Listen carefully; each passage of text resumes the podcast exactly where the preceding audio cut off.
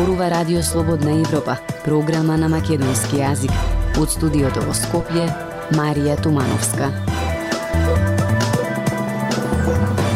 Добре дојдовте во емисијата. Во неа ќе слушате.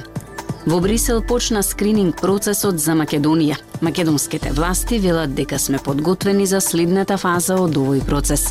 Истражување на Радио Слободна Европа. Без лиценца за детска кардиохирургија, клиниката Жан Митрев прави операции на срце кај деца. Приносите на мед се намалуваат, покрај малите количини расте и цената на тегла мед. Пчеларите се жалат на нелојалната конкуренција, а во недостиг на денар повеќе, граѓаните купуваат и фалсификуван мед. Независни вести и анализи за иднината на Македонија. На Радио Слободна Европа и слободнаевропа.мк. Почнуваме со емисијата. Во Брисел стартуваше скрининг процесот, односно првата фаза од преговорите со Европската Унија. Македонските власти велат дека речиси половина од нашето законодавство е усогласено со тоа на Европската Унија. Анкетираните граѓани пак имаат површни знаења или не ги интересира. Прилог на Пелагија Стојанчова. Македонија вежба да биде земја членка. Е всушност оваа фаза од патот кон ЕУ, што се нарекува скрининг. Првиот дел е еден вид на семинар на кој тимот на Европската Унија на македонската администрација и кажува што содржи поглавието за кое се преговара. Во втората фаза пак македонскиот тим ќе се вклучи подиректно и ќе кажува што сме направиле, каде има разлики и што планира да прават. Тука може да има и прашања или забелешки од секоја земја членка. Вице-премиерот за евроинтеграција Бојан Маричич Vučić вели дека преговорите со Европската Унија се почнати и дека скринингот ќе ги забрза реформите. Граѓаните пак што ги анкетиравме во центарот на Скопје немаат баш јасна представа што значи скринингот. Некои знаат површно, некои воопшто, а некои не ги интересира. Не знам, не знам, не, не интересира ме тоа воопшто. Тоа е многу битна работа. Не знам јас. Зошто го прават скрининг, знаат, знаат кој, кој сте и кој сме и што сме. Зашто би го правиле тоа? Се знаат, знаеме кој сме што сме. Јас знам многу добро што е скрининг. Надведување на ситуацијата во економска, политичка и ред други работи. Да не карат, да не убедуваат дека е се добро, добро напредуваме, а народот не вели така велат анкетираните граѓани. На луѓето треба да им биде битно што се случува во Брисел, оти тоа ќе се одрази и на нас, вели за Радио Слободна Европа Андрија Стојковски од Институтот Приспа.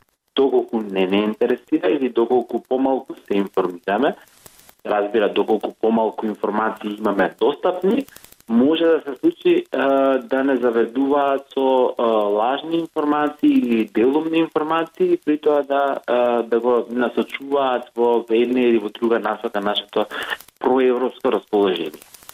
Скринингот започнува со поглавието 5 за јавни набавки. Тука ЕУ ќе каже кои се нивните закони и што очекуваат од земјава да прави за да се прилагоди на Унијата.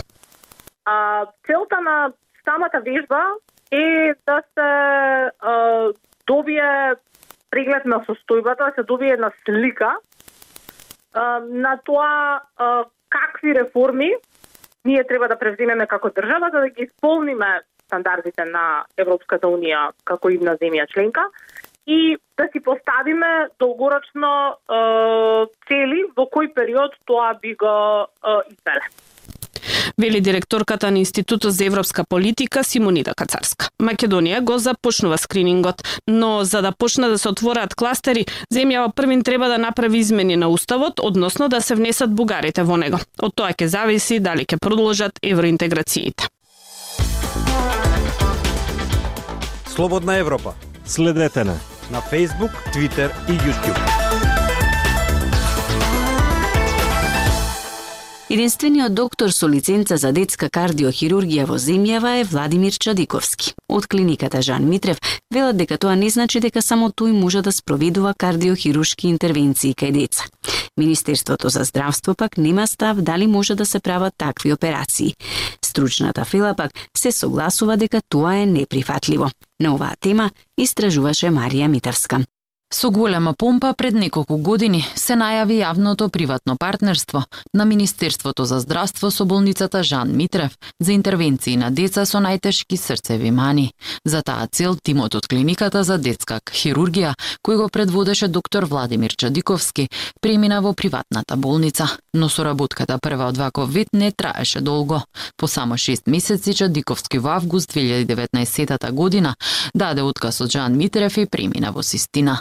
Чадиковски единствениот доктор во земјава кој има лиценца за детска кардиохирургија, а прашањето дали болницата Жан Митрев смее да извршува вакви операции остана отворено. Чадиковски со својот тим во февруари 2019 од јавното здравство премина во приватното во Жан Митрев.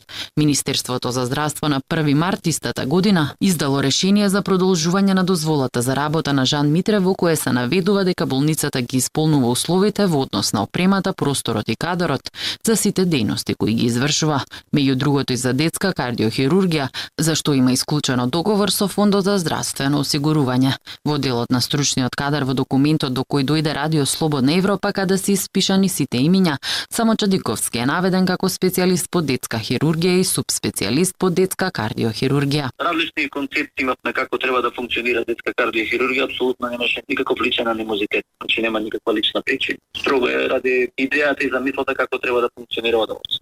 Чадиковски за причините за неговиот отказ. Во Законот за здравствена заштита се дефинираат условите за основање, почнување со работа, вршење здравствена дејност и проширување на дејноста на здравствена установа.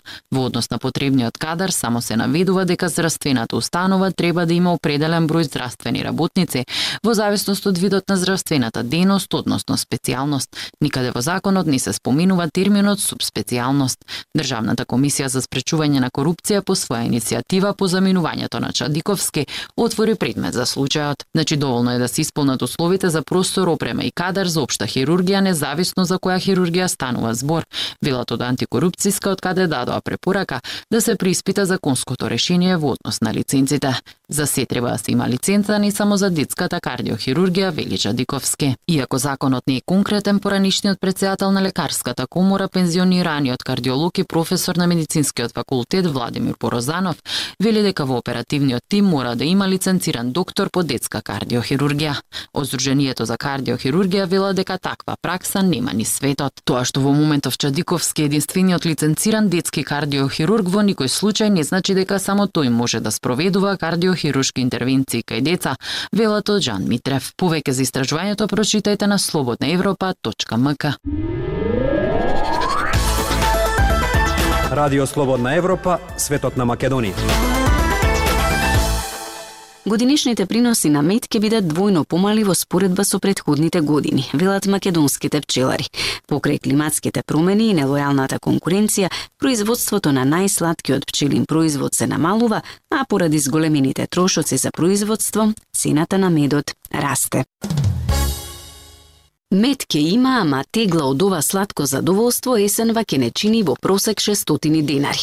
Производителите на мед велат дека поскапувањето е неминовно пред се поради зголемените цени на горивата, шекерот и опремата за работ. Но она што ги загрижува пчеларите е намаленото производство, кое во споредба со предходните години е и двојно помалку. Во близина на скопската населба Ѓорче Петров ги посетивме пчеларниците на Венче Билбилоски. Повеќе од 25 години произведува мед и раскажува дека последните неколку години се се потешки за производителите на мед. Во промената на климатските промени ја гледа главната причина за намалените приноси. Сведоци сме на енормно ниски температури и тоа во време на вегетација, тоа е во април месец кога сите значи сите овошки цветаат. И тогаш а, може да падне не може него а, има снег и ниски температури некаде далеку испод нулата, што значи негативно се одвива на нектарењето кај пчелите, а тоа се првите првите знаци кога пчелата треба добро да се да се развие. Покрај климата која не им оди во прилог на пчелите, пчеларите се жалат и на нелојалната конкуренција, вели Билбиловски. Токму против таквите манипулации, министерот за земјоделство, шумарство и водостопанство Лјупчо Николовски деновиве најави промени во моделот на субвенционирање на земјоделците. Промените на условите и критериумите под кои ќе ги добиваат субвенциите ќе важат и за пчеларите. 80 годишниот Бранко Тасевски од Кумановско Пелинце пак целиот свој живот го поминал со пчелите. Признава дека летово не било поволно за производителите на мед. Неколку пати досега користел субвенции, но сугерира дека поради зголемените трошоци, ресорното министерство треба да го зголеми износот на финансиска помош која им ја дава на оваа категорија земјоделци. Прва грешка што е на држава, зошто не врши контрола, на пример, за бројна состојба на пчелите. Ние порано беше 10%. Кај 10% пчелари идет број, број, бројна состојба ја земат. Сега навалиле на 2%. Од пчеларското здружение Матица се надиваат дека новите промени во моделот на субвенционирање ќе биде на подобро. Па секако се надеваме таа промена да биде на подобро со тоа што самите субвенции ќе се зголемат, меѓутоа и како што рековме ќе се ќе се изфилтрира бројот на вистинските пчелари. Во меѓувреме, Бил Билоски и Тасески продолжуваат да ги одгледуваат пчелите со многу љубов и посветеност. Заработката од оваа дејност не е голема, но како што велат, нема поголемо задоволство од тоа да се јаде квалитетен, домашно произведен мед. Култура и уметност. На Радио Слободна Европа. Од културата, десетина познати писатели, издавачи и уредници од регионот, творци како Каракаш, Жакел, Алексиева, Бајац, Грлик, Османли, ќе бидат гости на десетото јубилејно издание на Интернационалниот литературен фестивал Про за Балкан, што ќе се одржи од 18 до 21 септември во Скопје. Деталите ви ги пренесувам Љупчо Јолевски.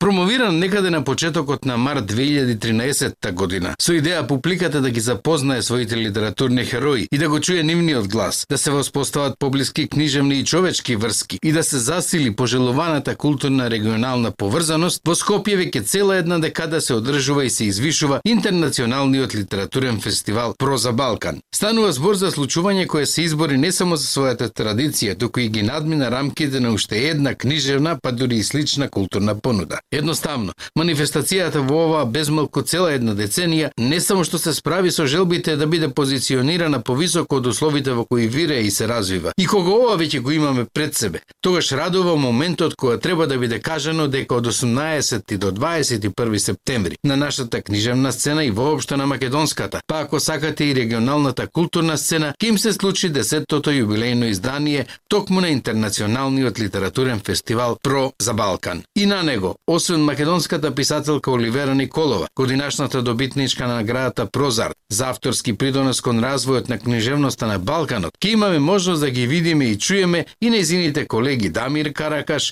Броња Жакелј, Владислав Бајац, Елена Алексиева и Томислав Османли. Нивното творештво ќе биде промовирано на отворањето на манифестацијата в недела на 18 септември во 20 часот, што ќе се одржи во Даут Пашиниот Амам по Националната галерија. Во рамки на фестивалот ќе се одржи разговор со хрватскиот режисер и сценарист Рајко Грлич, чиј филм Караула ќе биде прикажан на 21 септември во кинотека. Разговорот со него е планирано да биде понеделнички на 19 септември на вториот фестивалски ден од 20 часот во кафе книжарницата Буква, каде пак од 21 Бранислав Николов или ако милувате Пијан Славе ќе одржи уметнички перформанс како дел од промоцијата на неговата трета поетска книга Полиграф. Идејата за фестивалот Проза Балкан се наметна бидејќи Скопје беше еден од редките главни градови без достојна прозна манифестација. И бидејќи гостувањата на странските писатели се броја на прстите од една рака. Со Александар Прокопиев, Ермислав Фазановски, и Никола Мадешовски решивме да ја започнеме авантурата и еве